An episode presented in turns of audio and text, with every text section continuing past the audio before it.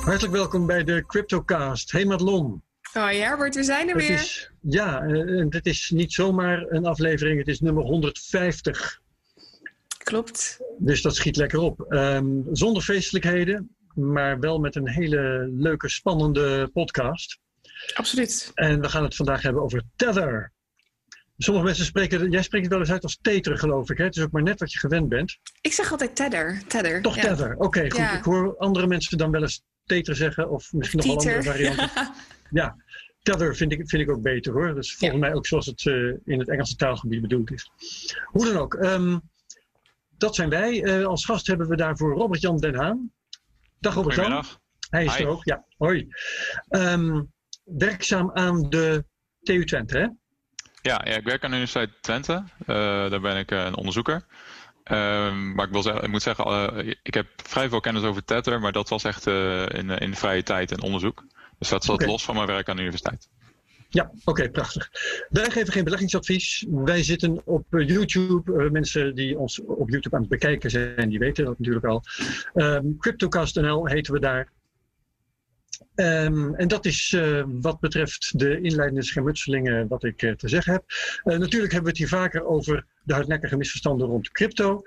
de regulering die bedoeld is om beleggen in crypto betrouwbaar te maken, betrouwbaar te houden. Um, daarvoor worden wij gesponsord door Amdax. Amdax is vorig jaar als eerste cryptobedrijf geregistreerd door de Nederlandse Bank. Hebben we ze ook voor hier te gast gehad. Um, en toen hebben ze ook verteld dat dit serieuze beleggers eerder over de streep haalt, zo'n registratie, om die cryptomarkt een kans te geven.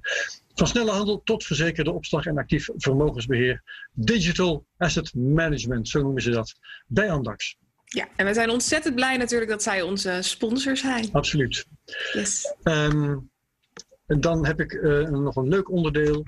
Daar gaan we een beetje een vast onderdeel van maken. Kraak de quote, uh, een wekelijkse uiting in de pers waarin de plank wordt misgeslagen. En vandaag is dat Christine Lagarde. Christine Lagarde van de Europese Centrale Bank. Die was op een Reuters webconferentie van de week. Mm. En uh, ik ga even het scherm delen. Moet ik even snel heen en weer schakelen van de ene knop naar de andere. Ik ga jullie Christine Lagarde laten zien en horen. En daarna gaan we haar uh, bespreken. Uh, even naar mijn browser. Die heb ik hier. Dan komen we. Wacht even. Ik doe dat in een andere volgorde. Dat is ietsje eleganter. Zo, nu heb ik, ja, nu heb ik Lagarde alvast in mijn browser, anders krijgen jullie een tab die helemaal niet uh, relevant is. Nu krijgen jullie Christine Lagarde te zien.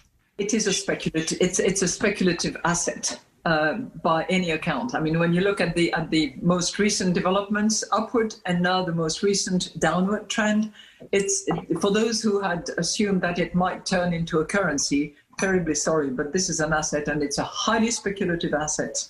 Uh, which um, which has conducted some funny business and some interesting and totally reprehensible money laundering activity. Uh, I think that there are criminal investigations that have taken place that I'm sure will continue to take place that demonstrate it uh, very clearly. And, and there has to be regulations, and, and this has to be uh, this has to be applied uh, and, and agreed upon. It's a matter that needs to be agreed at a global level because you know if there is an escape, uh, that escape will be used. So I think it needs to be to be, if if if anything, it shows that global cooperation, multilateral action is absolutely needed. Whether it's initiated by the G7, moved into the G20, and then enlarged, but it's something that needs to be. Uh, to be addressed, and, and uh, FATF is clearly an organization that has expanded in that respect. Nou, tot zover Christine Lagarde. En uh, ik heb geen moeite met wat zij zegt over regulation. Maar uh, die opmerkingen over uh, money laundering en zo, die uh, slaan heftig de plank mis. Wat zeg jij Ja, ze- Madelon? Ja, ze noemt het dus eh, geen currency. Dat is iets wat ik interessant vind. Ze noemt het een highly speculative asset. Dus een eh, zeer speculatieve asset. Nou, oké, fair enough. Oh. Maar dat ze het dan ook gelijk bestempelt als zijnde voor criminelen en witwassen. ehm, dat is dan weer niet helemaal eh, de bedoeling, als je het mij vraagt. Maar goed, wat had je anders verwacht van eh, de president van de Europese Centrale Bank? Hè? Het, is, eh, het is denkbaar dat, eh, dat iemand op die positie zo'n uitspraak zou doen. Ja, zeker. En, en eh, die eh, opmerking over witwassen, ja, ehm, wat ik me herinner uit de bespreking in de Tweede Kamer en de Eerste Kamer toen die anti-witwaswet anti moest worden aangenomen. Dat is dat minister Hoekstra geen enkele kwantitatieve informatie kon geven over witwas. Hè. Hoe groot is het probleem nou eigenlijk? Um, terwijl, uh, ik geloof dat het, was het nou Hiddema van, uh, van uh, Forum voor Democratie, die kwam dan mm -hmm. in de Eerste Kamer wel met cijfers en die waren eigenlijk buitengewoon onschuldig. Terwijl we heel goed weten dat er bij de echte banken in fiat geld zeer zeker um, behoorlijke witwasactiviteiten plaatsvinden. Daar is ING twee keer voor behoed. Ja. op zijn minst. Um, dus het is, het is, een kwestie van meten met twee maanden. Hou jij je met dit soort dingen bezig, Robert-Jan? Ik, uh, ik luister en ik lees er ook het een en ander over. Maar uh, ja, ik sluit me aan met Madelon. Het is niet, het is niet een verrassende uitspraak of zo. Nee, dat is zeker waar. Dat is zeker waar. Oké, okay, goed. Uh, dat wat betreft de, de quote van de week, zal ik maar zeggen. Um, laten we eens naar nieuws gaan. Heb jij een, een nieuwtje voor ons, Robert-Jan? Ha, ik een nieuwtje. Ja? Uh, nou ja, nu nog niet. Maar uh, gezien okay. het onderwerp van uh, vandaag is morgen een deadline rond Tether in, de, in de aanklacht in, in de Verenigde Staten. Oh, dat is wacht eigenlijk. Dus het, het, het, nieuwtje moet nog even wachten, zullen we maar zeggen. okay, ja. Morgen horen we daar meer over. Ja, ja. daar zullen we in ieder Nou, geval. Ik Ja, denk zeg niet maar. meteen morgen, maar daar, daar, zou wel, eh, daar zouden we iets kunnen leren de komende tijd. Ja, het wordt Ja, wel spannend. Maar wat, wat, wat verwacht je precies morgen? Wat, wat eh, gaat er gebeuren? De, de aanklacht wordt ingediend of zo? Is dat het nieuwsfeit? Nee, eh, er ligt, er ligt een deadline voor eh, Tether en ook Bitfinex. Maar goed, we komen er straks wel even op, eh, ik denk eh, in de loop om, eh, om documenten te produceren. Helemaal goed. Madelon, jouw nieuws. Ja, ik pak het eventjes bij. Ik had best wel veel nieuws. Er is heel veel gebeurd afgelopen week. Ja. Ehm, en volgens mij hebben we nu überhaupt de koersen overgeslagen. Maar dan zal ik zo meteen Oh, even het einde van het nieuws neem ik dat even mee. Eh, en ik had allereerst nieuws over onder andere eh, eh, Parler. Waar we natuurlijk nu veel over te doen zien. We hebben natuurlijk gezien afgelopen periode dat... ehm, Meneer Trump overal geblokkeerd werd. Dus die werd Ja. geblokkeerd op Facebook, op LinkedIn, op Twitter. En een heleboel mensen die hadden zoiets van: Nou, wat is dit nou weer eh, eh, voor gekkigheid, zou je kunnen stellen. Eh, we willen juist dat deze platforms open toegankelijk zijn voor iedereen. En die gingen richting het, het andere initiatief Parler, waar je dus mag zeggen wat je vindt en echt je mening mag hebben. En uiteindelijk heeft ehm, de App Store van zowel Android als van Apple heeft besloten om Parler uit de App Store te verwijderen. Je kan Ja. de app dus nog steeds gebruiken, maar hij staat niet meer in de App Store. En eh, Vitalik Buterin van Ethereum, die heeft daar ook het een en ander over gezegd. Die zegt namelijk dat Parler het recht heeft om te bestaan. En die kijkt nu naar de mogelijkheden of, of de mogelijkheid of Ethereum hierbij zou kunnen helpen. Dus dat is best wel interessant dat zij die kant op gaan. Eh, Ethereum zie ik zelf als launching platform voor andere crypto eh, tokens eh, om eh, gelanceerd te worden, om opgebouwd te worden. En nou, ik vind het wel, wel goed dat zij toch voor het open en, en eerlijke verhaal staan. En tegen censuur zijn. En daarbij kiezen ze, of bekennen ze eigenlijk kleur. En dat vind ik wel een, een interessante beweging. Ja. Maar vind jij dan ook dat, dat Trump, ondanks dat hij eh, heeft opgeroepen tot geweld, eh, racistische uitingen heeft gedaan, eh, de pers tot vijand van het volk heeft verklaard en dat soort dingen meer, dat hij niet van Twitter had moeten worden gegooid? Ja, dat is natuurlijk best een discutabel punt. Hè? Want iemand met zo'n grote achterban heeft natuurlijk een bepaalde invloed. En als we kijken naar de huidige media, dan wordt er heel erg secuur en heel erg eh, nauwkeurig gekeken naar wat daar wordt verteld. Hè? Op welke manier ze eh, bepaalde berichtgeving brengen. En als jij als eenling, of met een daadwerkelijk marketingteam achter je, maar als jij als eenling midden in de nacht om vier uur besluit: ik ga dit eh, naar buiten brengen, dan is daar niemand die jou op dat moment tegen kan houden van hey, is het wel slim om het zo te brengen? Want mogelijk heeft het dit en dit tot gevolg. Dus het is een discutabel punt, maar ik vind wel dat iedereen zou moeten kunnen zeggen wat diegene wil en waar diegene voor staat.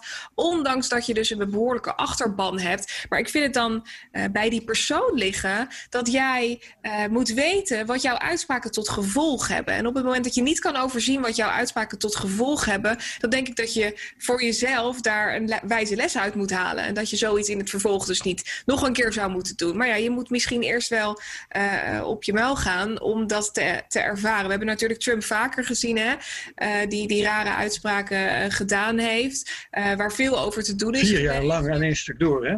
Ja, zo, dat zou je kunnen zeggen. aan de andere kant. Van Twitter, prima. Ja, precies. Aan de andere kant ligt de druk nu heel erg op die social media platformen. En uh, ik kan me wel indenken dat zij uh, gezwicht zijn onder deze druk. Uh, maar ik vind wel dat vrijheid van meningsuiting een belangrijk onderwerp is. En dat iedereen zich daar vrij in zou moeten, moeten ja. wanen. Nou, ik heb, ik heb een document... moeten er mensen om Trump heen zijn die zeggen... hey, hallo, wat je nu doet is niet zo handig. Ja, dat, dat hebben ze dus niet gedaan. En mm. ik denk dus zelf dat als, als Twitter voorwaarden heeft... En uh, Trump schendt die dat Twitter uh, de, het recht, zo niet de plicht heeft om daar wat aan te doen. Maar het moment dat hij dat voor de eerste keer uh, geschonden heeft, is natuurlijk uh, al ver in het verleden. Ja, ik vind, ook, ik vind ook dat ze dat veel eerder hadden moeten doen. Dat is een, uh, maar goed, dat. Oké, okay. maar daar gaat de CryptoCast niet over. Wat misschien wel goed is om te vertellen, um, de aflevering van de Technoloog van deze week, die vrijwel gelijktijdig verschijnt met de CryptoCast, die gaat hier ook over. Dus oh, tof. voor mensen die hier belangstelling voor hebben, is dat misschien interessant om naar te verwijzen. De Technoloog. Um, zal ik ook een nieuwtje doen intussen? Ja, zeker. Uh, dat is dat uh, Morgan Stanley intussen 10% van MicroStrategy in handen heeft. Ja. Dat is wel heel bijzonder. Um, voordat het nieuws over uh, de bitcoin aankopen van MicroStrategy bekend was, hadden ze al aandelen. Maar dat was, even kijken of ik het goed uitreken, een kleine 150.000 aandelen hadden ze. En na dat nieuws hebben ze er nog eens 650.000 bijgekocht. Waardoor ze dus nu bijna 800.000 van die aandelen hebben. Daarmee uh, zijn ze eigenaar van 10,9% van MicroStrategy. Waarmee ze dus in feite redelijk heftig in Bitcoin hebben belegd. En dan kun je zeggen, dat is toch weer een bank, een echte klassieke bank die om is. Hè? Want uh, ja. uh, het feit dat ze op die aankoop van Bitcoin zo reageren, ja, dat is toch wel. Um, kun je niet anders dan concluderen dat Morgan Stanley bullish is als het om Bitcoin gaat. Precies, en daar ja, want eigenlijk andere plannen mee heeft eigenlijk is uh, MicroStrategy gewoon een soort van Bitcoin-ETF geworden natuurlijk sinds dat ze uh, 1,98 miljard aan uh, Bitcoin bezitten. Dus ja. ja. ze bekennen misschien ook wel een beetje kleur op deze manier. Dat vind ik wel interessant om te zien. Ik, ik vond het heel leuk en pikant dat dit bekend werd. Ja, zeker. Hey, jouw volgende nieuws. Ja, ik pak hem daar eventjes bij. Ik had namelijk nog een nieuwtje. We zagen dat uh, in december dat PayPal best wel uh, behoorlijke interesse toonde, of althans de klanten van PayPal interesse toonden in Bitcoin. Er werd toen dagelijks voor ongeveer 21,7 miljoen verhandeld, 21,8 volgens mij zelfs, aan, aan Bitcoin verhandeld per dag in december. En de vraag was natuurlijk, gaat die trend zich continueren en gaat die trend het aanbod overstijgen? En inmiddels ja. is die trend, uh, die heeft zich voortgezet. En we zien namelijk dat het dagelijkse cryptovolume op PayPal een record bereikte. Dat was op 12 januari van meer dan 240 miljoen dollar per dag. Wow. En dat is wel echt een, een enorm ding. Dus sinds 1 januari is het volume met 950%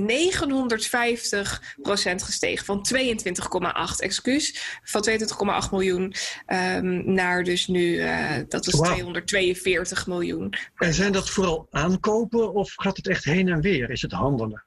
Ja, dat gaat heen en weer. Uh, er wordt dus gesproken, de retail has arrived. Uh, ook wordt er gesteld dat het dus voornamelijk populair is onder de retail traders. En we zagen tijdens de dump, dus de markt die ging behoorlijk hard omlaag, dat het vooral verkopende handen waren en nog niet zozeer ja. de kopende handen. En eigenlijk sluit dat ook wel aan op mijn volgende nieuwtje. Want dat had namelijk te maken met het feit dat de whales de dip aan het kopen waren. En dat was heel erg bijzonder, ja. want de markt ging afgelopen week met 23,3 omlaag vanaf die all-time high. Je gaat nu naadloos over in de, in de bespreking van de koers. Hè? Dat vind ik prachtig. Ja, ja precies. Even een mooi bruggetje maken. Ja, die ja. markten gingen voor omlaag. 23,3% vanaf de all-time high. Die all-time high stond op 42.000 dollar afgelopen maandag. En uh, naar aanleiding daarvan zagen we dus ook dat de zwakke handen, zoals we die noemen, de adressen met minder dan 0,1 uh, bitcoin, dat die de boel aan het verkopen waren. Dus de adressen met minder dan 0,001 bitcoin en de adressen met minder dan 0,01 bitcoin, die hadden meer van hun portefeuille verkocht. Terwijl we zagen dat dat de adressen met meer dan uh, 100.000 of 10.000 bitcoin juist meer bitcoin richting hun portefeuille lieten vloeien. En die hebben dus de dip gekocht. En we zagen bijvoorbeeld Mark van der Scheijs ook al twitteren, die dan weer aangaf van nou, dit is een mooi koopmoment. Ik denk dat jij straks met de Bitcoin Treasuries hier nog weer wat over gaat zeggen, Herbert, met dit ja. maar daar komen we, komen we zo nog wel even op. Ik ga nog heel eventjes een, uh, een schermafbeelding delen, want ik heb wel iets heel moois wat ik jullie nog even wil laten zien voordat we de grafiek erbij pakken.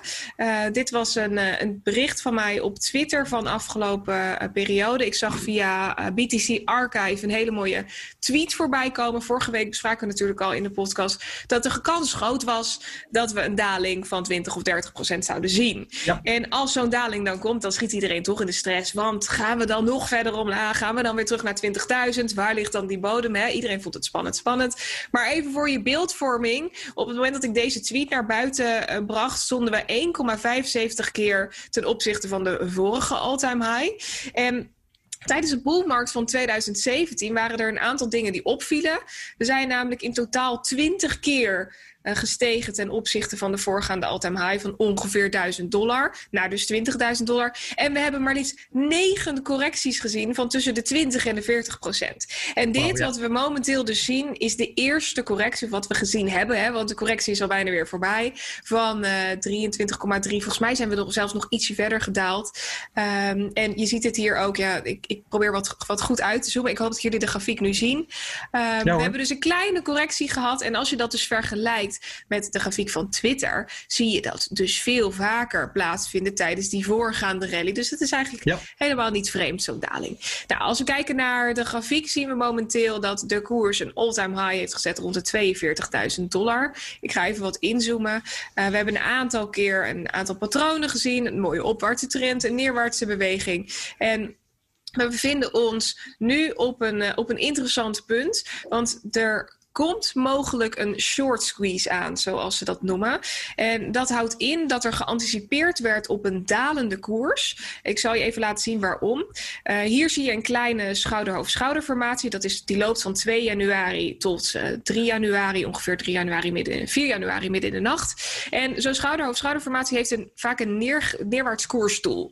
En dan kun je dus de klap- en flapregel toepassen en op basis daarvan het koersdoel berekenen. Nou, die zien we hier ook in het groot. Dan loopt hij dus van 2 januari, de eerste schouder, tot 4 januari. Van 4 januari tot 11 januari. En hier werd verwacht dat zich een nieuwe schouder zou vormen.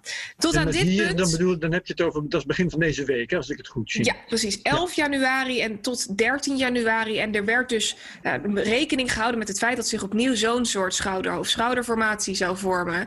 En als die uitkwam en neerwaarts uitbrak, dan hadden we een koersdoel van ongeveer 20.000 dollar. Dus men werd zenuwachtig. Wow. Er ja. zijn behoorlijk wat uh, short uh, posities ingenomen. Dat zien we nu ook op de derivatenbeurs, optiebeurs. Um, bij Deribit, Bitmax. En de verwachting is dat als de koers boven de ongeveer 39.000 dollar uitschiet, dat we een forse uitschieter omhoog krijgen, omdat al die shorts geliquideerd zullen worden. Ja. Dus dat is heel interessant om dat nu te zien, want we zijn dus niet hier omlaag gegaan en daarna nog verder omlaag. Nee, we zijn omhoog gegaan, hebben dit schouder- of schouderformatie, deze hebben we eigenlijk opwaarts uh, weer, weer terug ingezet, wat we nu zien. En we hebben dus nog een koersdoel van rond de 39,7. En als we daar dus bovenuit schieten, dan zou je zo'n short squeeze kunnen zien. En zou die markt heel snel weer op de 42.000 dollar. Ja, en zou dat dan ook een hele korte piek moeten zijn. Want ik kan me voorstellen dat als uh, mensen in paniek uh, hun shorts gaan, uh, gaan liquideren, dat het maar een, een hele korte zelf. vraag is. Wat zeg je? Dat gaan ze zelf niet liquideren. Dat wordt voor ze gedaan. Nee, dus goed. zij hebben een positie ingenomen en automatisch zegt die beurs: Oké, okay, we gooien je er nu uit. Je bent je geld kwijt. Ja, begrijp ik. Maar um, dat is heel snel voorbij. En betekent ja. dan ook dat die koers heel snel piekt en ook weer heel snel terugvalt?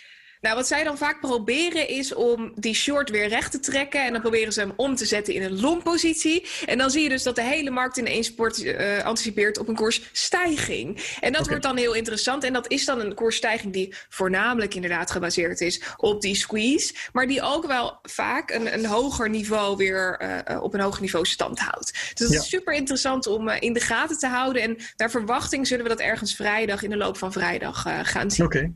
Robert-Jan, hou jij met dit soort dingen bezig eigenlijk? Ik zie je kijken maar, uh, en luisteren. Niet meer. Niet meer. Heb je wel gedaan? Ja, 2017 en ook 2018 natuurlijk, toen de toen, uh, toen wel. En Ja. ehm, ik moet En zeggen waarom ben dat je ik er daarmee ook wel, ook, omdat ik er ook wel minder van heb geslapen soms. Dat snap ik wel. Ja, dus eh, nu eh, heb je een beter leven als het ware. Ja. Oké. En Herbert, jij had nog, eh, had nog één nieuwtje volgens mij. Eh, ja, inderdaad. Daar eh, fiets ik even naar terug. Oh, dat gaat Ja. over, ehm, over Lightning.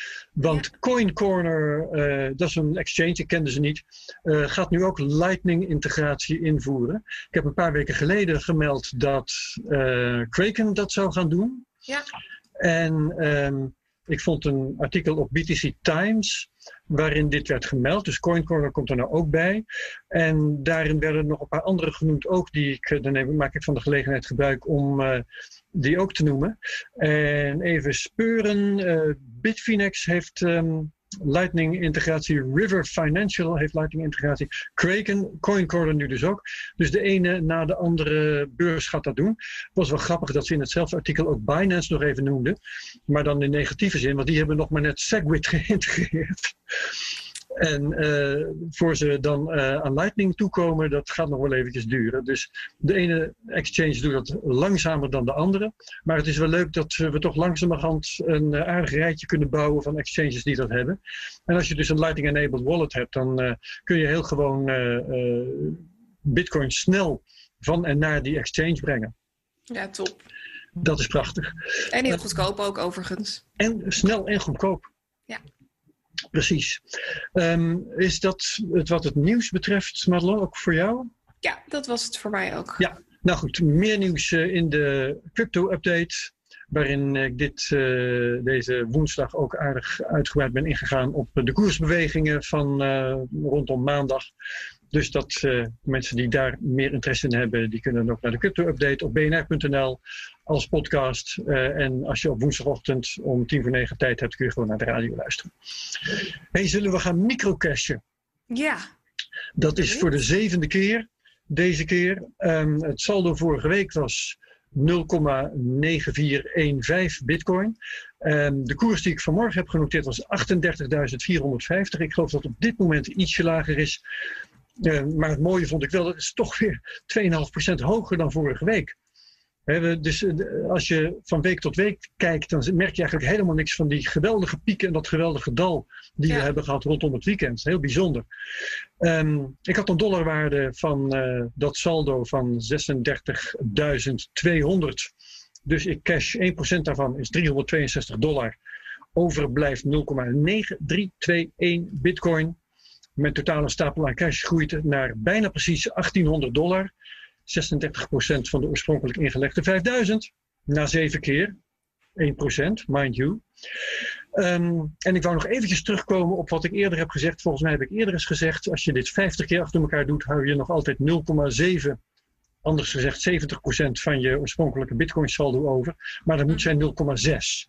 Ehm, als je dat uitrekent op een rekenmachientje, 0,99 tot de macht 50. Dat is bijna precies 0,6. En dat is dus wel even handig om te weten. Dus na 100 keer, dan heb je 0,6 in het kwadraat, is eh, 0,36. Robert-Jan zal het kunnen beamen. ja, Robert-Jan. Ja. En wat ik ook nog eventjes wil doornemen met jullie. Dat had ik volgens mij vorige week aangekondigd. Maar toen hadden we zo'n volle CryptoCast dat het erbij bij is ingeschoten. Dat is de voorspellingen. Ik heb een eh, dik jaar geleden gezegd: jongens, ik ga voorspellingen bijhouden.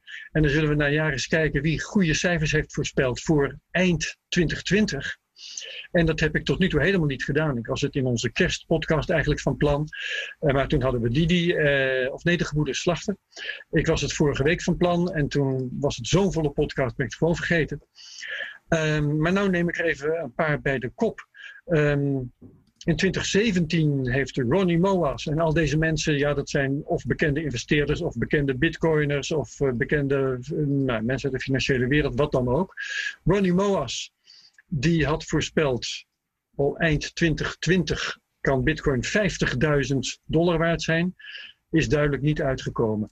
Ehm, in april 2018 heeft Mark Yusko, ook weer zo'n investeerder, voorspeld bitcoin eind 2020 75.000 dollar. Gooi maar weg. John McAfee moet ik natuurlijk ook altijd even noemen. Die eh, had ooit nog eens een miljoen voorspeld. Had dat eerder al ingetrokken. Maar goed, hoort wel in dit rijtje thuis. En nou wordt het leuk, want ik heb tot nu toe heel veel voorspellingen gecheckt. En uh, meestal kwamen ze gewoon niet uit. Allerlei voorspellingen, ook tijdens de hele bear market gedaan. Altijd veel te optimistisch. Maar ik heb bijvoorbeeld Mike Novogratz. Die, uh, even kijken, in april 2020 zei die jongens, eind dit jaar kan die bitcoin wel eens op 20.000 staan. Dat is dus gewoon uitgekomen. Dat is zelfs iets overtroffen. Um, Vijay Ayar, Google dat zou ik bijna zeggen. Die heeft uh, in januari 2020 voorspeld, jongens, eind van het jaar 15.000 dollar is overtroffen. Uh, Bob Lucas heeft eind, 19, sorry, eind 2019 voorspeld 20.000 dollar. En Mike Novogratz ook eind 2019 voorspeld voor einde vorig jaar 12.000 dollar. Allemaal mensen waarvan de voorspellingen zijn overschreden. Alleen heb ik staan Antoni Trentjev. Die voorspelde begin 2020 voor uh, het einde van het afgelopen jaar 50.000 dollar. Die zat er dan nog naast. Dat waren, je valt toch op dat de meest recente voorspellingen, ook niet zo heel gek misschien, de meest recente voorspellingen zitten er dan toch het dichtste bij. Dat waren de voorspellingen die ik uh, leuk vond om te checken. En wat, wat is je conclusie hieruit, Herbert? Is nou het meeste niet uitgekomen? Is dat het meeste te hoog? Of... Ja, kijk. Um, mijn conclusie is, uh, de oudste voorspellingen zijn het, uh, het slechtst. Mm -hmm. Dat is duidelijk. Wel logisch uh, op zich. Dat is wel logisch. Uh, je kunt ook zeggen de voorspellingen tijdens de bear market en tijdens het, uh, wat ik dan toch zie als een hersteljaar 2019, uh, die waren gewoon veel te optimistisch. Ik denk dat, behalve dat het natuurlijk moeilijk is om voor de verdere toekomst te voorspellen, dat ook in die, in die bear market en in het hersteljaar zijn alle voorspellingen te optimistisch geweest, omdat de wens de vader was van de gedachte. Ja. Iedereen wilde heel graag dat die bitcoin terug omhoog zou klauteren, dus hebben ze dat ook maar voorspeld. Uh, zeker natuurlijk de bitcoiners, de, de uh, bitcoinhandelaren en zo. Mensen met uh, belangen daarin. Die hebben gewoon geprobeerd die markt omhoog te praten. Dat is eigenlijk mijn interpretatie van wat er gebeurd is. Ja, en in 2020 zijn ze dat blijven doen. En omdat de markt, ja, het was tijd voor de markt. Hè. Als je het model van Plan B zo'n beetje volgt, dan weet je, nou oké, okay, 2021 en 2020 moeten toch de jaren zijn waarin het gebeurt. Ja, dan is dat ook inderdaad gebeurd. Dus als je hardnekkig uh, een herstellende bitcoin blijft voorspellen, dan, ja, dan krijg je vroeg of laat gelijk. En dat is dan in 2020 gebeurd. En zal ja. waarschijnlijk in uh, dit jaar ook wel gebeuren dat we eind van dit jaar heel wat voorspellingen kunnen noteren die zijn uitgekomen. Maar dat zal de tijd maar, voeren. Ja, uiteindelijk blijft het allemaal gissen. Hè? Niemand heeft een glazen bol, niemand weet waar het naartoe gaat. Nou ja, uh, ik zeg, uh, de, de, mensen die wij in de gaten houden, uh, Mark van der Scheijs, Plan B, dat soort mensen, um, die zijn voor het nu lopende jaar 2021 zijn ze meer bullish dan ze in afgelopen jaren geweest zijn. Ja, dat, dat, is wel een sentimenttrekker natuurlijk. Ja, ja, ja. absoluut. Oké. Okay. Dat is het microcastje. Nou komen we eindelijk aan Robert Jan toe volgens mij. Hè? Ja. Die zit al heel lang te wachten. ik zou zeggen, Madelon, neem jij het voortouw. Ja, hartstikke leuk. Robert-Jan, wat fijn dat je bij ons te gast wilde zijn. Allereerst misschien voor de luisteraars even leuk om, uh, en de kijkers natuurlijk leuk, om even de, jouw achtergrond te weten. Dus uh, jij zei net al, uh, ik geef les aan de Universiteit van Twente. Maar hoe ben jij voor het eerst in aanraking gekomen met crypto en misschien zelfs wel bitcoin? Uh, ja, dat was in 2017. Uh, dat was natuurlijk, uh, toen begon het echt in het nieuws te komen. de prijs schoten toen omhoog. En je zou kunnen zeggen dat ik in wezen de, toen ook geleerd heb wat FOMO betekent. dus toen ging ik me er ook in verdiepen. Maar een beetje gecombineerd te zijn van verdiepen van wat is Bitcoin nu überhaupt. en toen heb ik ook voor het eerst Bitcoin aangeschaft. Mm -hmm. en daarna ook veel meer interesse in wat gebeurt hier nou op de markt. Ja, en dat sluit eigenlijk aan bij uh, het, het, onderwerp van vandaag. Ja, want uh, jij kwam er al snel achter dat Bitcoin en Tether een bepaald verband hadden. Wat, uh, wat was het, hetgeen waarom jij dacht, ik moet hier wat meer onderzoek naar gaan doen? Nou ja, de, de, er, is, er is gewoon een, een, duidelijke correlatie tussen de prijs van Bitcoin en, uh, en de hoeveelheid tethers in de markt. Dat is, uh, nou ja, als je ook nu weer op Twitter uh, gaat rondzoeken, dan zul je die ook weer tegenkomen. Um, en daar, was, er waren toen veel vragen over. en die had ik eigenlijk ook wel. Ja. Dus, ik, dus ik dacht van ja, oké. Okay, ik kan meedoen met, met, met het op Twitter gooien en tweeten van hey, wat gebeurt hier allemaal? En ik heb ook wel wat een en over getweet hoor, daar niet van. maar ik kan ook nadenken van, vanuit de onderzoekskant, oké, hoe kan ik bewijzen dat, het, dat er iets is, maar ook bewijzen dat het niet zo is. Mhm. Dus ik ben er gewoon in, eens in gaan duiken. Ja. En waar ben je misschien... toen... Oh, sorry. Ja, moeten we misschien eerst even hebben over wat Tether is en wat, wat de functie is van dat ding. Ja. Nou ja, Tether is een, uh, is een munt die, volgens mij staat hij uh, tegenwoordig op nummer drie qua uh, market cap. dus onder Bitcoin en Ethereum. Um, en dat is eigenlijk een andere soort cryptomunt, namelijk een stablecoin. Dus die is, is gelinkt aan de dollar. Um, dus het idee is dat één tether altijd 1 dollar waard is. Zo is het ook in ieder geval begonnen.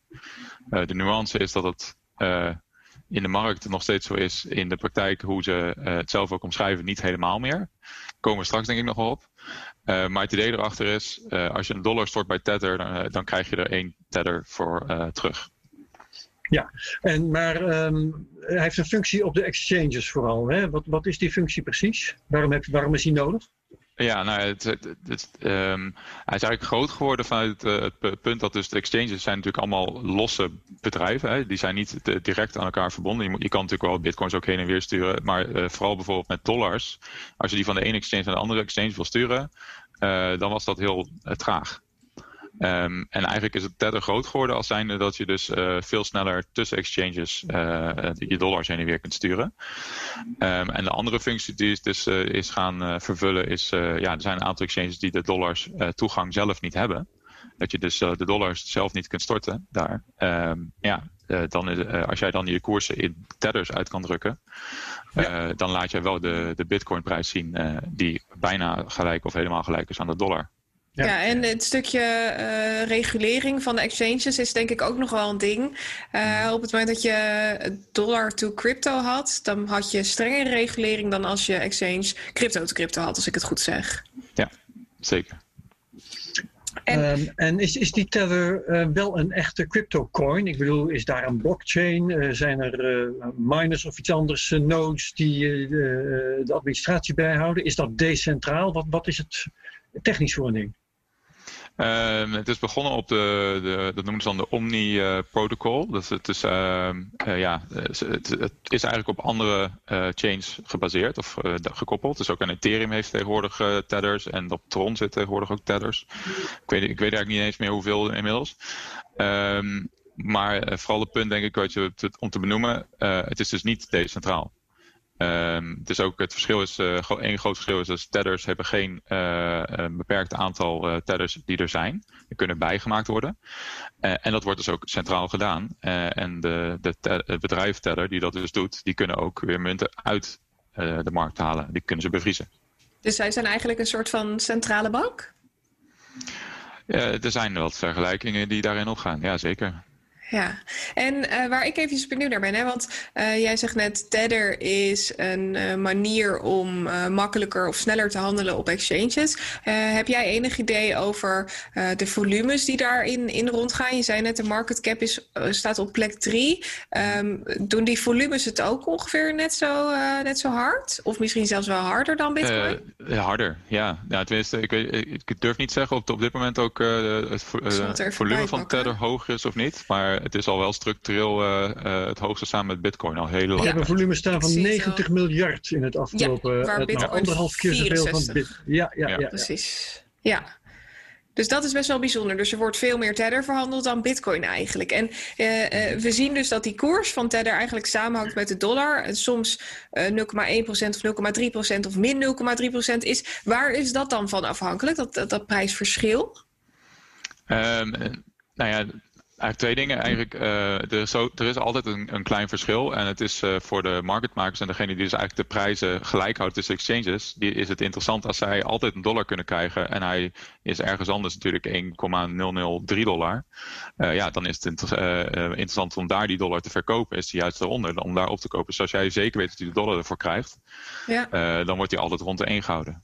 Dus een soort van arbitrage wat je kan toepassen, zodat die koers altijd op ongeveer 1 zit. Zeker, ja. En op het moment dat hij dus eigenlijk niet op één ligt, dan zijn er dus eigenlijk vragen vanuit de markt, uh, is die wel 1 dollar waard? Ja, ja en, en even voor mijn beeldvorming hoor. Want waar ben jij begonnen toen jij je onderzoek ging doen? Je zei ik heb me verdiept, want ik had vragen, net als dat andere mensen mhm. vragen hadden. Hoe, hoe begon je je onderzoek? Uh, begon mijn onderzoek, ja, goh, uh, eigenlijk vooral uit het idee dus van hoe kan ik bewijzen dat er iets niet klopt, maar ook hoe kan ik bewijzen dat het wel klopt. Dus hoe kom je eigenlijk gewoon te weten van, uh, is die correlatie logisch of ehm, ja, de, de, de, algemene vraag die er toen was en die ik nu trouwens ook weer zie, is van worden tethers niet gewoon uitgegeven zonder dollars erachter om de prijs van bitcoin op te drijven? Ja, want hoe, hoe zou dat gaan als, als dat zou plaatsvinden? Hè? Dat als er Bitcoin niet gebackt of Bitcoin Tether niet gebackt zou zijn door Bitcoin, hoe zou dat er dan uitzien? Hoe kun je dan die prijs van Bitcoin alsnog beïnvloeden? Uh, nou ja, als jij tethers kan uitgeven en dus eigenlijk daarmee uh, fictieve dollars de markt instuurt, dan kun je daarmee natuurlijk mee bitcoins kopen. Uh, daar komen dan, dan hebben andere mensen zijn dan de eigenaar worden van tethers. Maar ja, als die er geen dollars voor kunnen krijgen, ja, dan kan ze wel, dan, dan komt, zou dat op een gegeven moment die, die tethers geen 1 dollar meer waard zijn. Ja, en dan creëer je dankzij je tethers extra vraag en dat is het prijsopdrijvende effect. Ja. Ja, en daardoor stappen weer meer mensen in. Ja, Precies. En, en er stappen weer meer mensen in en die tethers worden weer, of die bitcoins worden weer verkocht voor tether, maar ze hebben dus wel weer meer uh, uh, tethers gemaakt, als ik het goed zeg. Nee, meer bitcoin gemaakt zelfs. En een koersstijging op bitcoin veroorzaakt. Ja, de koersstijging. Ja, zeker. Nou herinner ik me van een tijdje geleden dat uh, ja, Bitfinex, of de mensen achter Bitfinex, want het zijn voor een groot deel dezelfde mensen, hè, dat die een poging hebben gedaan om te bewijzen dat alle tethers wel gedekt waren. En er werd een hele affaire, want het accountantsbureau dat dat dan ging doen, gaf na een paar, ik weet niet meer, weken of maanden, zijn opdracht terug. Van jongens, wij komen hier niet uit. Um, was, was, weet jij nog wanneer dat was? Was het ook, ook in 2017? Uh, ehm, ja, ik zit even te denken, volgens mij is dat uh, het bedrijf Friedman geweest uit mijn hoofd. Dacht ik, dat goed kunnen, ja. Ja, die, uh, die hebben dat daarna toen uh, teruggegeven. Ehm, ik heb er ook wel eens wat berichten naar gestuurd om te, om te vragen of ze met me wilden praten, maar daar hebben we nooit iets op teruggekregen. Um, en toen, uh, dat, was daar, dat was wel echt een, een, eh, een bedrijf wat ook normaal gesproken al audits uitvoert. En ja. sindsdien zijn ze eigenlijk toe overgegaan naar uh, onze bank zegt af en toe dat er genoeg geld op de rekening staat. En uh, er zijn een advocatenbureau die een, ja, een check doet uh, voor ze. Maar dat is geen audit die ze altijd hebben beloofd ja. overigens. Jij zei net, ik wil graag bewijzen dat het ofwel klopt dat die, die tethers één op één met dollar gebackt zijn. Of ik wil graag bewijzen zien dat het niet klopt. In plaats van dat het zo in het midden blijft. Mm -hmm. um, en wa waar ben jij naar op zoek gegaan? Je zei net, ik heb al contact opgenomen met dat auditbedrijf. Heb je ook andere dingen geprobeerd om hier achter te komen? Ja, zeker. Kijk, uh, als je het hebt over zijn de dollars of niet, dan uh, kun je gaan nadenken van kan ik bewijzen dat, dat er geldstromen zijn. Mm -hmm. uh, kan ik bewijzen dat de, als ik weet naar welke bank ik moet kijken, of in ieder geval welke landen, uh, kunnen we kijken van uh, klopt er, is er ook die instroom van het aantal dollars. Ja, of bijvoorbeeld op het moment dat de, de market cap van Tether toeneemt, met andere woorden, als er extra tethers zijn gemaakt, wat dus de laatste tijd ook weer gebeurt, dan moet ergens moet dat geld naartoe zijn gestuurd of het moet ergens verschijnen. Dat, naar dat soort dingen ben je op zoek, neem ik aan. Ja, zeker. Ja. En ja, vind je wel eens wat? Daar vind je wel eens wat. Hè? Dus toen oh ja? uh, in 2018, uh, toen werkte ik samen ook met, uh, met Bloomberg. En toen konden we ook aantonen dat de Tether met, bij Noble Bank zat in Puerto Rico. Mm -hmm. um, en daar konden we dus ook wel zien, oké, okay, er is ook wel, er is wel een substantieel bedrag in ieder geval. het was niet per se alle dollars. Ook gaf, Tether gaf toen ook aan, de Tether staan op bij verschillende, of de, het geld achter Tether zou op verschillende banken staan. Um, maar goed, we wisten dus wel dat daar sowieso geld was. Even als kanttekening daarbij trouwens, wat je, je gaf zelf aan, Tether en Bitfinex, dat zit best wel met elkaar verweven. Ja. Um, en ook Bitfinex zat dus daar ook. Dus we, weten, we konden natuurlijk niet, dan weer niet zien, is dat allemaal de Tether geld of is dat ook Bitfinex? Ja, maar um, is er een ondergrens? Heb je met dat soort research kunnen komen tot een bedrag waarvan je zegt, het is in elk geval voor dit deel gedekt? Nee, ja, ik, zou, ik durf er ook echt geen uitspraak over te doen. We hadden het wel over, ja. uh, volgens mij, de, als ik uit mijn hoofd hadden we het over 1,7 miljard dollar op dat moment. En aan mm -hmm. Tether was op dat moment uh, iets meer dan 2 miljard, dacht ik. Maar dat zou ik echt even terug moeten zoeken. Uh, maar nogmaals, samen met Bitfinex. Dus, maar goed, er was wel dus, we hebben het niet over een paar procent. Mm -hmm. En nee, inmiddels okay. is. Maar dat was toen. Ja, dat was toen. Ja, inmiddels is dat eh, bedrag best wel uh, substantieel opgelopen. Want we zitten nu op uh, een miljard of 24. Uh, wat de markt bestiert. En wat dan dus mogelijk in de bitcoin-koers verdisconteerd is. Terwijl die dollars eigenlijk er ook mogelijk niet, niet zijn. Um, hoe kijk jij dan daar tegenaan? Want er komen steeds meer vragen over of Tether nou daadwerkelijk gebackt is. De audits vinden niet plaats. we weten niet waar waarom die mhm. niet plaatsvinden. Uh, toevallig uh, zag ik van de week een podcast voorbij komen van Peter McCormack, What Bitcoin Did, waarbij de eigenaren van Tether en Bitfinex of de CEO of iets dergelijks uh, daar aan tafel hun verhaal deden en aangaven, nou, het zit allemaal goed in elkaar. maar wat is dan de reden dat ze toch niet met dat ene sign over de brug komen en aangeven, kijk, dit is onze rekening, hier staat het geld gewoon op, no stress. Net als dat Greg Wright gewoon heel... Dan gewoon echt, ja. Precies, gewoon heel makkelijk kan bewijzen dat hij Satoshi is. Waarom doen ze dat dan niet?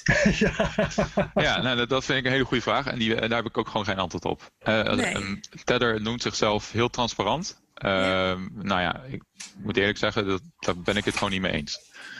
Uh, ik probeer dit echt vanuit een analysekant te bekijken. Maar goed, als je kijkt, uh, ze hebben op hun site een transparantiepagina. Nou, dat is eigenlijk gewoon een Excel-sheetje van zoveel geld hebben we en zoveel tellers zijn er. Ja. Um, en ze hebben altijd beloofd om die audits te doen. Nou, inmiddels hebben ze al vier keer hun voorwaarden aangepast. En dat is van audits naar verificatie naar. Dus, hè, dus het wordt steeds anders. Um, en in diezelfde podcast, ik heb hem ook geluisterd, uh, zegt ook Stuart uh, Hockner, de, de, general counsel is dat van Bitfinex en Tether. Uh, van ja, nou, ja, we zien nu dat het toch wel voor problemen zorgt. Dus we zijn ook over ons per na aan denken. Ja, maar goed, ditzelfde verhaal speelde drie jaar geleden ook. Dus het, is, het feit dat ze daar nu over nadenken als strategie geeft ook al te denken. Um, maar als we het echt puur even over de audit ook hebben. Um, als je kijkt van wat is er te auditen, dan, dan is een auditen van een stablecoin, gewoon de dollars en de tethers die uitstaan, um, is relatief simpel. In ieder geval, uh, ik heb er ook wel de mensen over gesproken van, uh, van met, ja, bedrijven.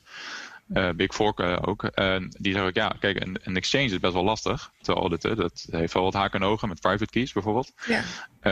maar een stablecoin is eigenlijk niet zo heel moeilijk. Um, en het feit is dat zij zelf zeggen van er is geen ander bedrijf die dit wil doen. Ja, ik, ik, stel daar wel vragen bij. Zijn er meerdere stablecoins die wel geaudit zijn? Weet je daar iets over? Um, ik, weet, ik, durf het eigenlijk niet te zeggen over alle stablecoins op dit moment. Um, toen ik hier de, ja, echt heel erg in diepte in zat hebben, was het in 2019 nog, zeg maar. En toen uh, had je dus al uh, eh, USDC bijvoorbeeld. En um, die hadden toen ook geen audits. Die hadden wel uh, dat noemen ze dan monthly attestations. Ik weet even niet hoe ik dat goed in Nederland vertaal. Um, dus die gingen wel een klein stapje verder, maar er was nog steeds geen audit. Maandelijks, ik zou moeten ja. checken of dat nu, hoe dat nu is. Maandelijks informatieverstrekking of iets dergelijks. Dat, uh, ja. Als ik ja. iets moet verzinnen. Hé, hey, maar uh, het is natuurlijk fijn als je geld kunt printen. En uh, in feite is uh, waar de wereld Tether van verdenkt, is het printen van geld. Hè, notabene iets wat in uh, de Bitcoin-wereld ontzettend not done is. Um, maar wat, uh, wat, voor reden kunnen de mensen van Tether daar dan precies voor hebben? Eén uh, kan zijn de prijs van Bitcoin opdrijven. Ander kan zijn, ja, je print geld, daar kun je dingen mee doen. Hoe, hoe, simpel of hoe ingewikkeld denk je dat het is? Um, ja, ik vind het lastig, want ik kijk dan, dan moet ik zelf even heel erg gaan speculeren. Uh, het zijn wel kijk, uiteindelijk kun je er geld mee verdienen. Dus dat, uh, en dat kan op verschillende manieren. Uh, maar ja, als jij de prijs van bitcoin kan opdrijven door uh, eerst te met tethers bitcoins te verkopen en de prijs gaat omhoog en je verkoopt ze weer, ja, dan heb je winst. Oké, okay, ja. Dus in, dat, maar goed, dit is, dit is allemaal in theorie natuurlijk, het kan. Ja. Um, en het feit dat er geen transparantie is of dat hij te wensen overlaat, ja, dat zorgt ervoor dat je erover gaat speculeren. En dat je dat dus ook ziet. Ja, en waar komt, dat, waar komt mogelijk dat geld vandaan? Want wat, waar ik dan heel benieuwd naar ben, Tether die heeft dus uh, in uh, nou, anderhalf jaar tijd ongeveer 20 miljard erbij uh, geprint. Dan is dus de vraag, als die boel wel gebackt zou zijn door dollars, waar komen die dollars dan vandaan? Dan moet er dus ergens een business case liggen waar zij dan dus 20 miljard op anderhalf jaar, twee jaar basis mee hebben verdiend. Ja, Zou dat dan uit Bitfinex kunnen komen? Of is daar helemaal geen, geen helderheid over verschaft? Uh, nou, we weten het niet. We, we, horen wel dat het in dat Tether een, als onderwerp zeg maar in Azië wel, wel veel meer gebruikt wordt. Dus yeah. dat, maar dat, daar heb ik ook heb ik verder geen bewijs van hoor. Dus, maar dat mhm. horen we her en der. Um, en aan de andere kant vanuit exchanges, die, waarvan we eigenlijk dus vrijwel zeker weten dat bijvoorbeeld een, een Binance een klant is bij Tether. Ja. Um, en uh, ja, als je, als je bedenkt dat de prijs hoger is van bitcoin uh, en je wil en ook misschien de volumes ook nog uh, een stuk omhoog zijn en je, je moet voor de market making de, de, de tethers of de dollar equivalent tegenover hebben, dan heb je er ook meer nodig mm -hmm. om de market making te, te doen en de arbitrage te regelen. Ja. Um, dus, dat, dus in de basis, dat op zich er meer tethers zijn op het moment dat de prijs weer omhoog gaat, is, is nog niet zo gek. Het gaat mm -hmm. inderdaad meer om van, uh, nou ja, 20 miljard is, is wel een substantieel bedrag natuurlijk. Ja. En wat is, stel hè, we, we gaan ervan uit dat, uh, even de hypothese, dat blijkt dat niet al die tethers volledig gebackt zijn door dollars. Wat zou mhm. daarmee het risico zijn voor uh, ons als uh, bitcoin-bezitter, misschien wel als tetherbezitter, misschien zelfs wel als handelaar op een exchange die crypto-to-crypto gaat, gebruik maakt van tether. kunnen we daar een risico-inschatting van, van maken op het moment dat we uitgaan van de hypothese dat hun verhaal, hè, wat ze bij Pieter McCormack uh, verteld hebben, dat dat niet zou kloppen. Ja, het, het, zal zeker, uh, het zal zeker invloed hebben op de markt. Uh, maar goed, we moeten het even uit elkaar halen. De, de lange termijn en de kortere termijn. Uh, kijk, als we erachter komen, Tether is niet een dollar waard. Dan zullen we absoluut een, een reactie zien op de markt. Dan gaat de koers van Bitcoin omlaag of gaat dan de koers van Tether omlaag? sowieso de koers van Tether. Ja. Uh, en dan zul je zien dat juist dus eigenlijk de koers op een, een Binance bijvoorbeeld, die zal eigenlijk omhoog gaan van Bitcoin. Uh, hoe, hoe, werkt dat? Leg uit. Nou ja, kijk, als Tether, uh, ik ga laten het even extreem doen, makkelijk rekenen. Tether gaat naar een halve dollar, want mm -hmm. we weten dat er maar de helft van het geld is. Ja. Uh, dat betekent dat uh, nou, als uh, op Coinbase bijvoorbeeld de, de koers van Bitcoin gelijk blijft, laten we even voor het gemak zeggen 30.000, dan gaat de, de, de koers van, op Binance ja, vanuit van Bitcoin naar Tether naar 60.000. Ja. want de, de Tether is dat met maar 50, 50 ja, ja, cent waard.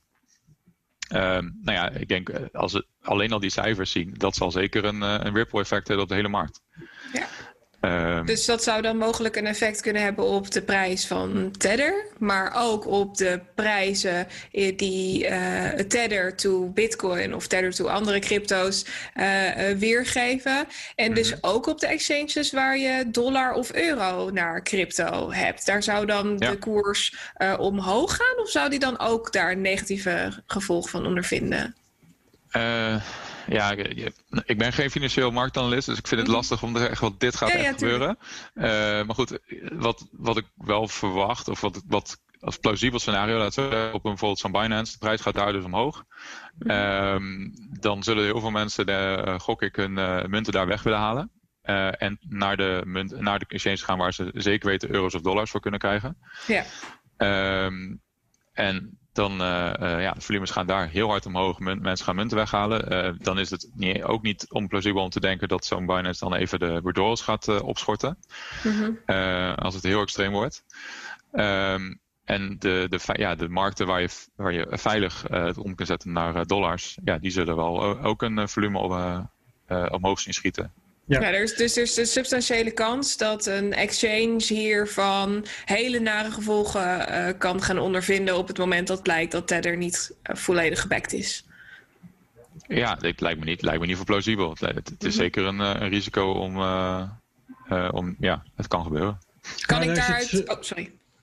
Uh, deze situatie bestaat eigenlijk al heel lang. Hè? Dat, we, dat we in feite niet weten wat, wat de situatie is. Mm -hmm. um, en terwijl we dat allemaal niet weten, is die market cap van Tether naar meer dan vertienvoudigd. Ja. Uh, en dat, dat speelt dus nu al een jaar of drie, vier op zijn minst. Um, ja, uh, er is dus een soort gewapende vrede. iedereen heeft er belang bij dat er geen rare dingen gebeuren. Dus um, zou het zo kunnen zijn dat uh, het gewoon nog heel lang zo blijft? Het zou zeker kunnen. Het, uh, ja. Uh, voordat we erachter komen, uh, oké, we kunnen eigenlijk naar verschillende scenario's denken. We, kunnen aan de ene kant denken, de, de dollars zijn er inderdaad niet, of in ieder geval een, een substantieel deel niet. Uh, en daar komen we op een gegeven moment achter. Hoe gaan we daar achter komen? Nou ja, ofwel er moet dus een, een klant uit, uit naar voren komen en zeggen wat er is er aan de hand. Ofwel ja. vanuit de overheid van binnen het bedrijf. Bijvoorbeeld.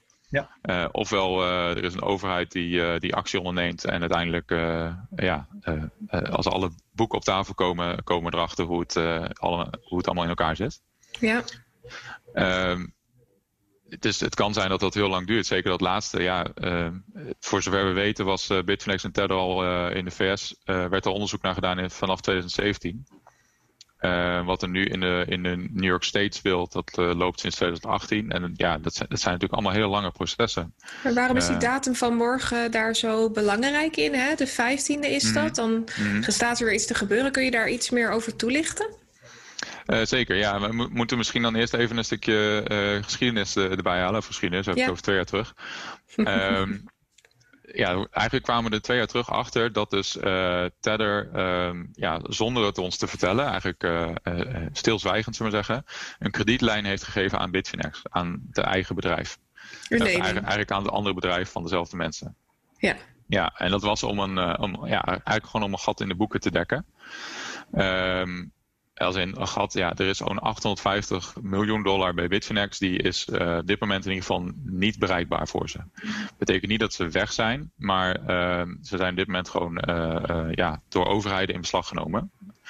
Um, en we weten ook niet of dat het volledige bedrag in beslag is genomen of dat er ook echt geld weg is. Dat heeft met een crypto capital te maken. Dat was het bedrijf wat voor hun betalingen regelde en waar zij zelf ook geld als bedrijf hadden gestald. Ja, dat was dus een derde partij. Volgens mij was ja. die ook gevestigd op de Bahama's of iets dergelijks. In uh, ieder geval. Ja. Oorspronkelijk uit uh, Panama kwamen ze. Uh, okay. Op een gegeven moment uh, ze waren ze in Zwitserland geregistreerd en ze werkten ook weer samen met een uh, Amerikaans bedrijf. En ja, die is ook aangeklaagd, de persoon daarachter, in de. Verenigde Staten. Maar in ieder geval, er is dus 850 miljoen dollar weg.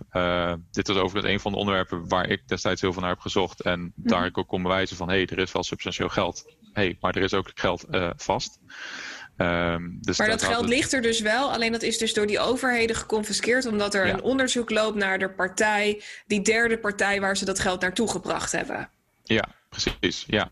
En dat geldt dus voor Bitfinex onbereikbaar. Uh, ja. En daarom hebben ze gezegd uh, bij Tether van hey, wij, wij verstrekken jullie een lening. Uh, maar ja, jullie is gewoon dezelfde mensen. Mm -hmm. um, en daarmee kunnen jullie zorgen dat Bitfinex blijft draaien. En dan uh, betalen jullie het over tijd terug. En dan klopt de één op één backing van Tether weer. Want we weten dus eigenlijk al dat niet alle dollars achter Tether er zijn. of in ieder geval dat ook een lening erachter zit. Ja. Um, wil ik trouwens ook nog bij zeggen, de lening zelf heeft ook wel vragen. Um, want de lening heeft als onderpand uh, aandelen in het bedrijf uh, Ifinex. En Ifinex is de eigenaar van Bitfinex en Tether. Dus dat betekent dat het onderpand uh, aandelen is van Tether zelf. Het bedrijf effectief. zelf, ja. Uh, dus het dat is wel zo shady allemaal, hè? ja, nou, dat is dus de reden geweest dat uh, New York State een, uh, een, klacht heeft ingediend. Omdat ze dus allerlei middelen aan het mixen zijn, financiële ja. middelen. Um, het is overigens geen, volgens mij niet een rechtszaak. Dat, dat lees ik her en der. Maar het is dus een klacht geweest. En ze hebben de rechter gevraagd om uh, stap hierin. En uh, ze zegt dat dit niet mag. Um, nou ja, en daar, zijn dus, daar is al wat uh, heen en weer over gegaan richting met de New York State Supreme Court. Is dat? Um, en in ieder geval het belangrijkste om in ieder geval even snel te vertellen is dat de Senaat in New York staat, wat ze dan noemen in Amerika standing heeft. Dus ze mogen ook daadwerkelijk deze klacht indienen. Ja, zijn ontvankelijk in het Nederlands. Precies, ik, dat woord zocht ik, dankjewel. Ja. En, um, en daarom heeft dus de uh, rechter ook gezegd van ja, jullie moeten deze uh, uh, de documenten die de New York State Attorney General, dus de minister van Justitie daar, wil, die moeten jullie ook produceren. En daarvan is de, de nieuwe deadline, want die is al een paar keer gepasseerd, morgen. Um, en volgens mij zat er dit keer ook echt een consequentie aan voor Tether en Bitfinex als ze het niet aan zouden doen.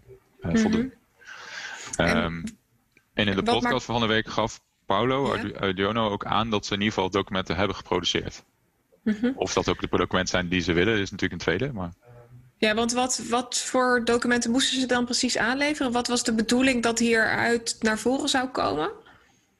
Ehm, volgens mij ging het uh, vooral over die kredietlijn, dacht ik. Ehm, maar dan zou ik het zelf even ook weer terug moeten zoeken of het. Uh, maar het, de, de, klacht was over die uh, kredietlijn eigenlijk, omdat ze dus geld wat eh, in principe achter Tether zou moeten zitten, volgens wat ze zelf zeggen, gebruikt werd voor andere uh, middelen, voor andere doelen. Ja, wat eigenlijk niet de bedoeling is. Maar daarmee weten we dus nog steeds niet of die één op één backing er wel is. We weten dan alleen op hoe die lening loopt en of dat op een eerlijke manier gegaan is. Waar ik benieuwd naar ben, is wat was het, uh, wat is de conclusie voor jou geweest na het luisteren van de podcast van Pieter McCormack, waarin dus deze vooraanstaande mensen die werkzaam zijn bij zowel Tether als bij Bitfinex eh, hun verhaal deden. En eigenlijk was de mhm. conclusie van de podcast zelf: uh, alles is netjes op orde, maak je geen zorgen. Het is fair, uncertainty and doubt, wat er nu naar buiten wordt gebracht. Maar wat heb jij meegekregen naar aanleiding van die podcast? Um, eigenlijk was die podcast heel erg wat ik verwachtte. Um, en, en vooral ook uh, de antwoorden die, uh, die Stuart en uh, Paulo gaven. ik heb Stuart zelf nog niet, nooit gesproken, maar Paulo wel. En mm -hmm. ook andere mensen bij Tether. En die, het feit dat ze op sommige vragen er niet op in willen gaan. Nou snap ik wel, nu speelt ook die rechtszaak. Dus dat kan meespelen of ze wel of niet antwoord kunnen geven op sommige vragen nu. Of tenminste, sorry, ja. dit is dus geen rechtszaak. Nu noem ik het zelf zo. Um, dus dat speelt wel mee, maar uh, het blijven ontwijkende antwoorden soms. En ja. Um, je zou, wat, je zelf, wat jullie zelf ook al aangaven, hè, het is uh, relatief makkelijk om heel veel speculatie uh, uit de wereld te helpen. Ja. Dat, dat blijft mijn, mijn gedachte aan het einde van die podcast. Oké. Okay. En um, wat ik me nog afvraag, um, stel dat die dekking er niet is. Hè, je zei aan het begin van dit hele gesprek, uh, het kan zijn dat mensen die dan tethers hebben, daar, uh, als ze dat zo willen, niet allemaal hun dollars voor zouden kunnen terugkrijgen. Maar ja, weet je, um, er is al vaker iets niet gedekt in de wereld. Uh, ik, ik moest toevallig denken aan uh, stoelen in een vliegtuig. Er worden, meestal worden, hè, een vliegtuig is meestal overboekt. Mm -hmm. Waarom? Omdat uh, toch nooit alle passagiers komen opdagen. En bijna altijd kunnen alle passagiers die wel komen opdagen hun stoel krijgen. Mm -hmm. um, een totale bankrun op Tether is ook weer niet zo verschrikkelijk waarschijnlijk. Uh, veel waarschijnlijker is dat uh, het aantal mensen dat tether wil hebben op, op, een bepaald moment. Ja, dat zijn de, of sorry, dat hun tethers wil inwisselen voor dollars. Hmm. Ja, dat zal een klein deel zijn van de totale market cap. Dus je hebt niet al die dollars nodig. Kortom, dit kan eigenlijk tot in het oneindige goed blijven gaan.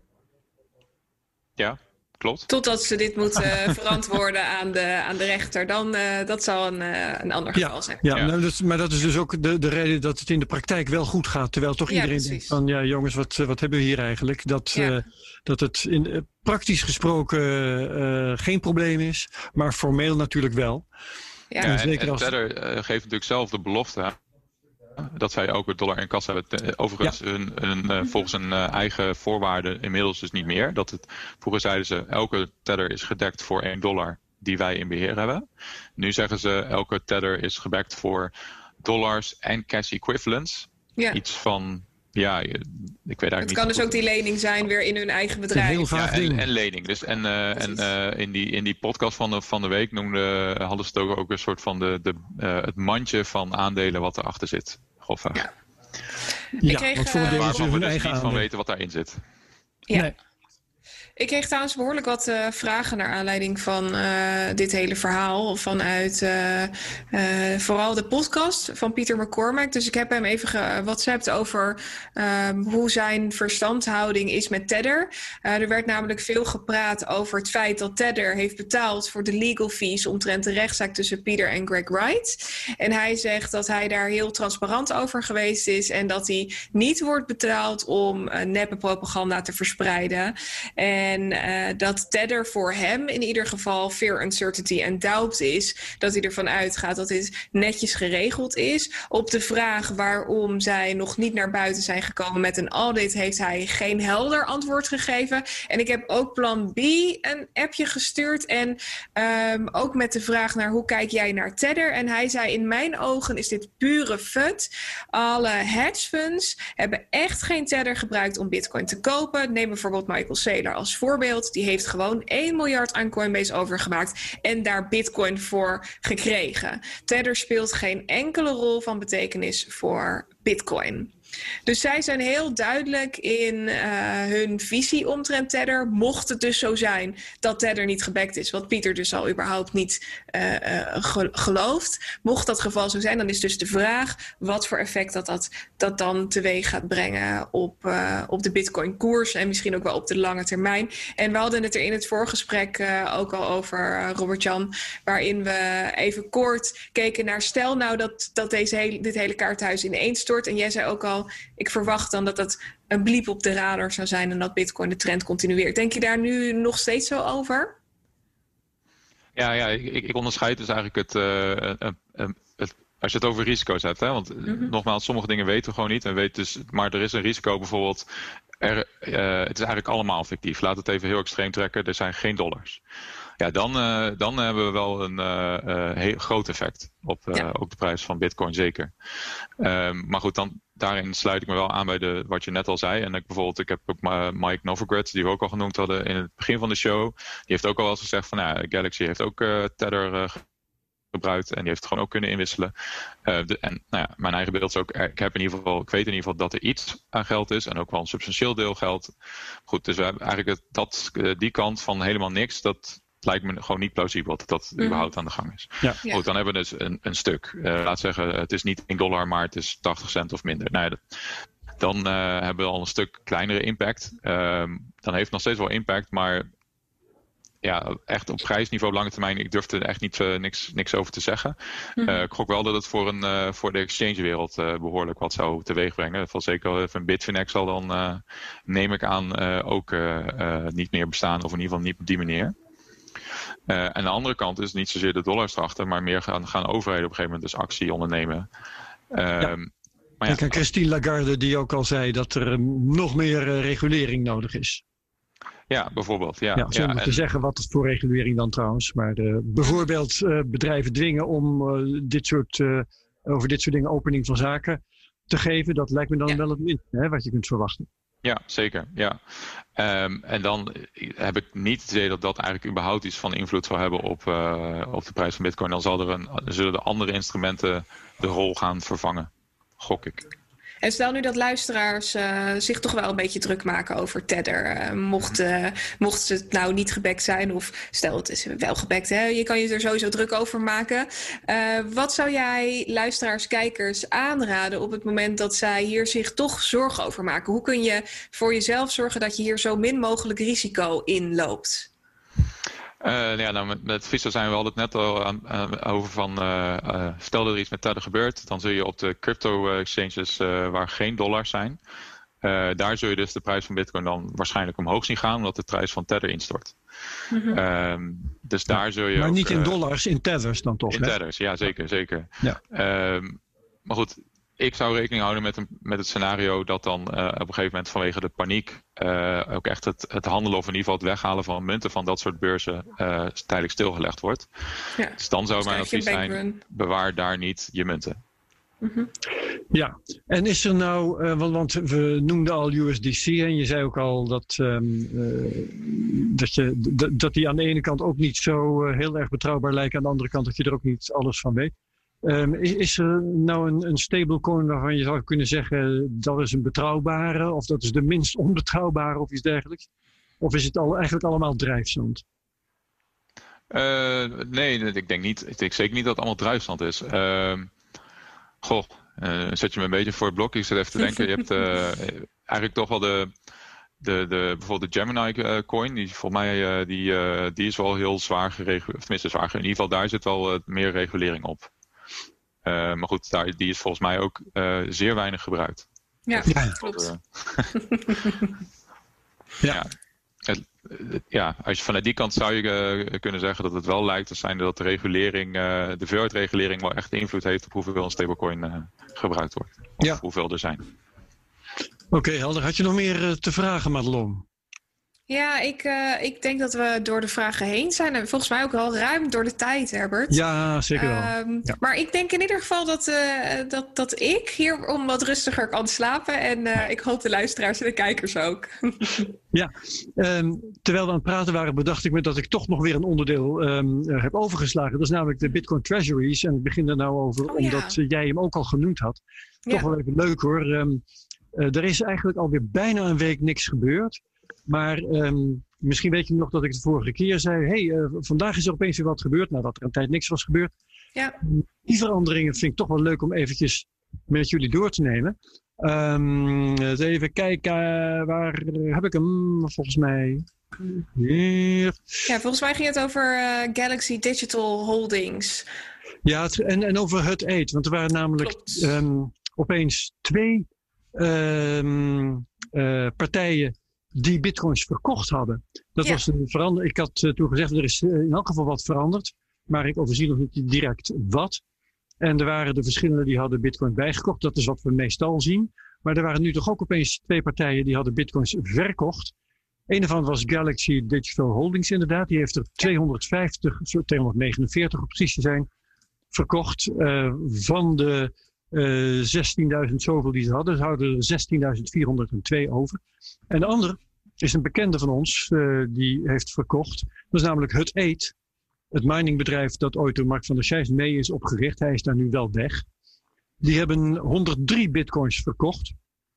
In zo'n beetje de, uh, ja, de, de week voorafgaand aan, nou ja, een week geleden. Dus ongeveer tussen één en twee weken terug.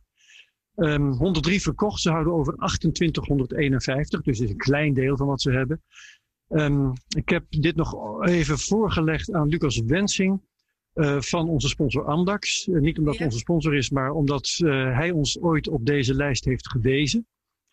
En wat zei hij tegen me? Hij uh, noemde het eten. Zei van ja, die zullen wel gewoon hebben verkocht om kosten te kunnen betalen. Dat heeft Mark van der Scheijs ook wel gezegd. Hè? Dat is wat ze soms doen.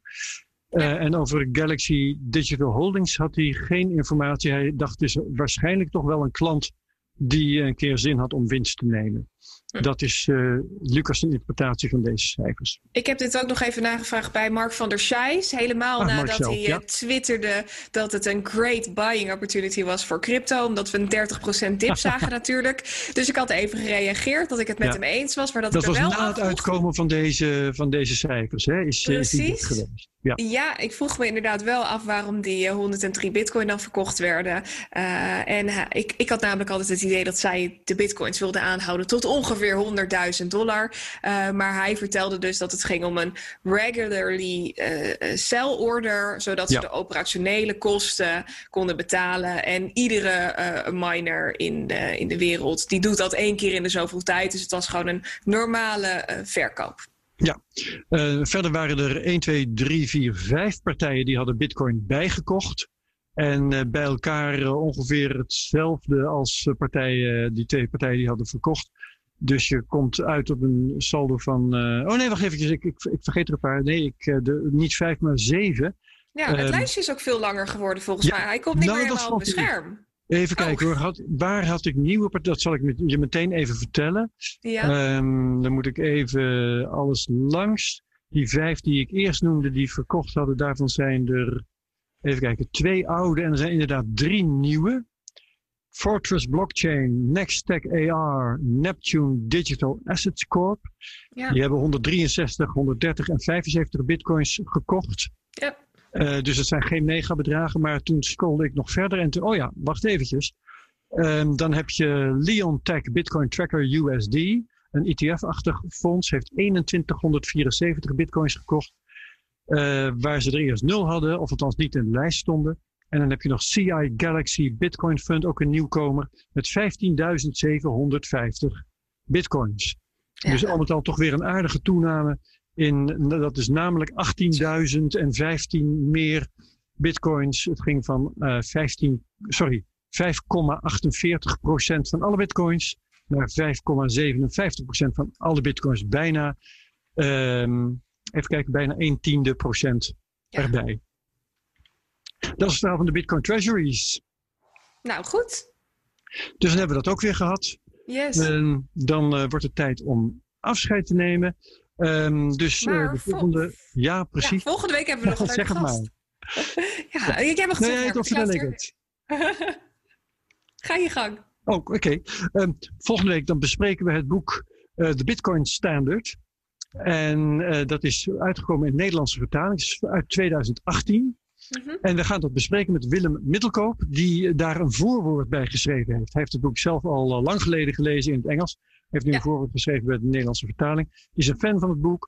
Ehm, gaat daar eh honderd uit over vertellen. Dus eh, zet in je agenda volgende week Willem Middelkoop. Ook voor de derde of vierde keer, denk ik, hier in de Cryptocast. Dus dat wordt altijd leuk. Zeker. Ehm, als je deze aflevering de moeite waard vond, deel hem dan op Twitter. Mention CryptoCast.nl. eh doe een review op Apple, Apple Podcasts. Of doe natuurlijk de gebruikelijke like, subscribe en comment Mhm. eh, op ons YouTube kanaal. Rest mij om jou te bedanken, Madelon. Voor je bijdrage aan deze CryptoCast. Jij natuurlijk Ehm, bedankt voor de presentatie. En Robert-Jan, jij ook ongelooflijk En bedankt Robert-Jan Den voor Haan. je- precies, voor je bijdrage. was superleuk. Jullie allemaal tot ziens. Alle luisteraars tot ziens en tot horen. Yes. En tot de volgende keer in de volgende Dag. CryptoCast. Dag, dag. Deze podcast wordt mede mogelijk gemaakt door Amdax. Het handelshuis voor de serieuze cryptobelegger.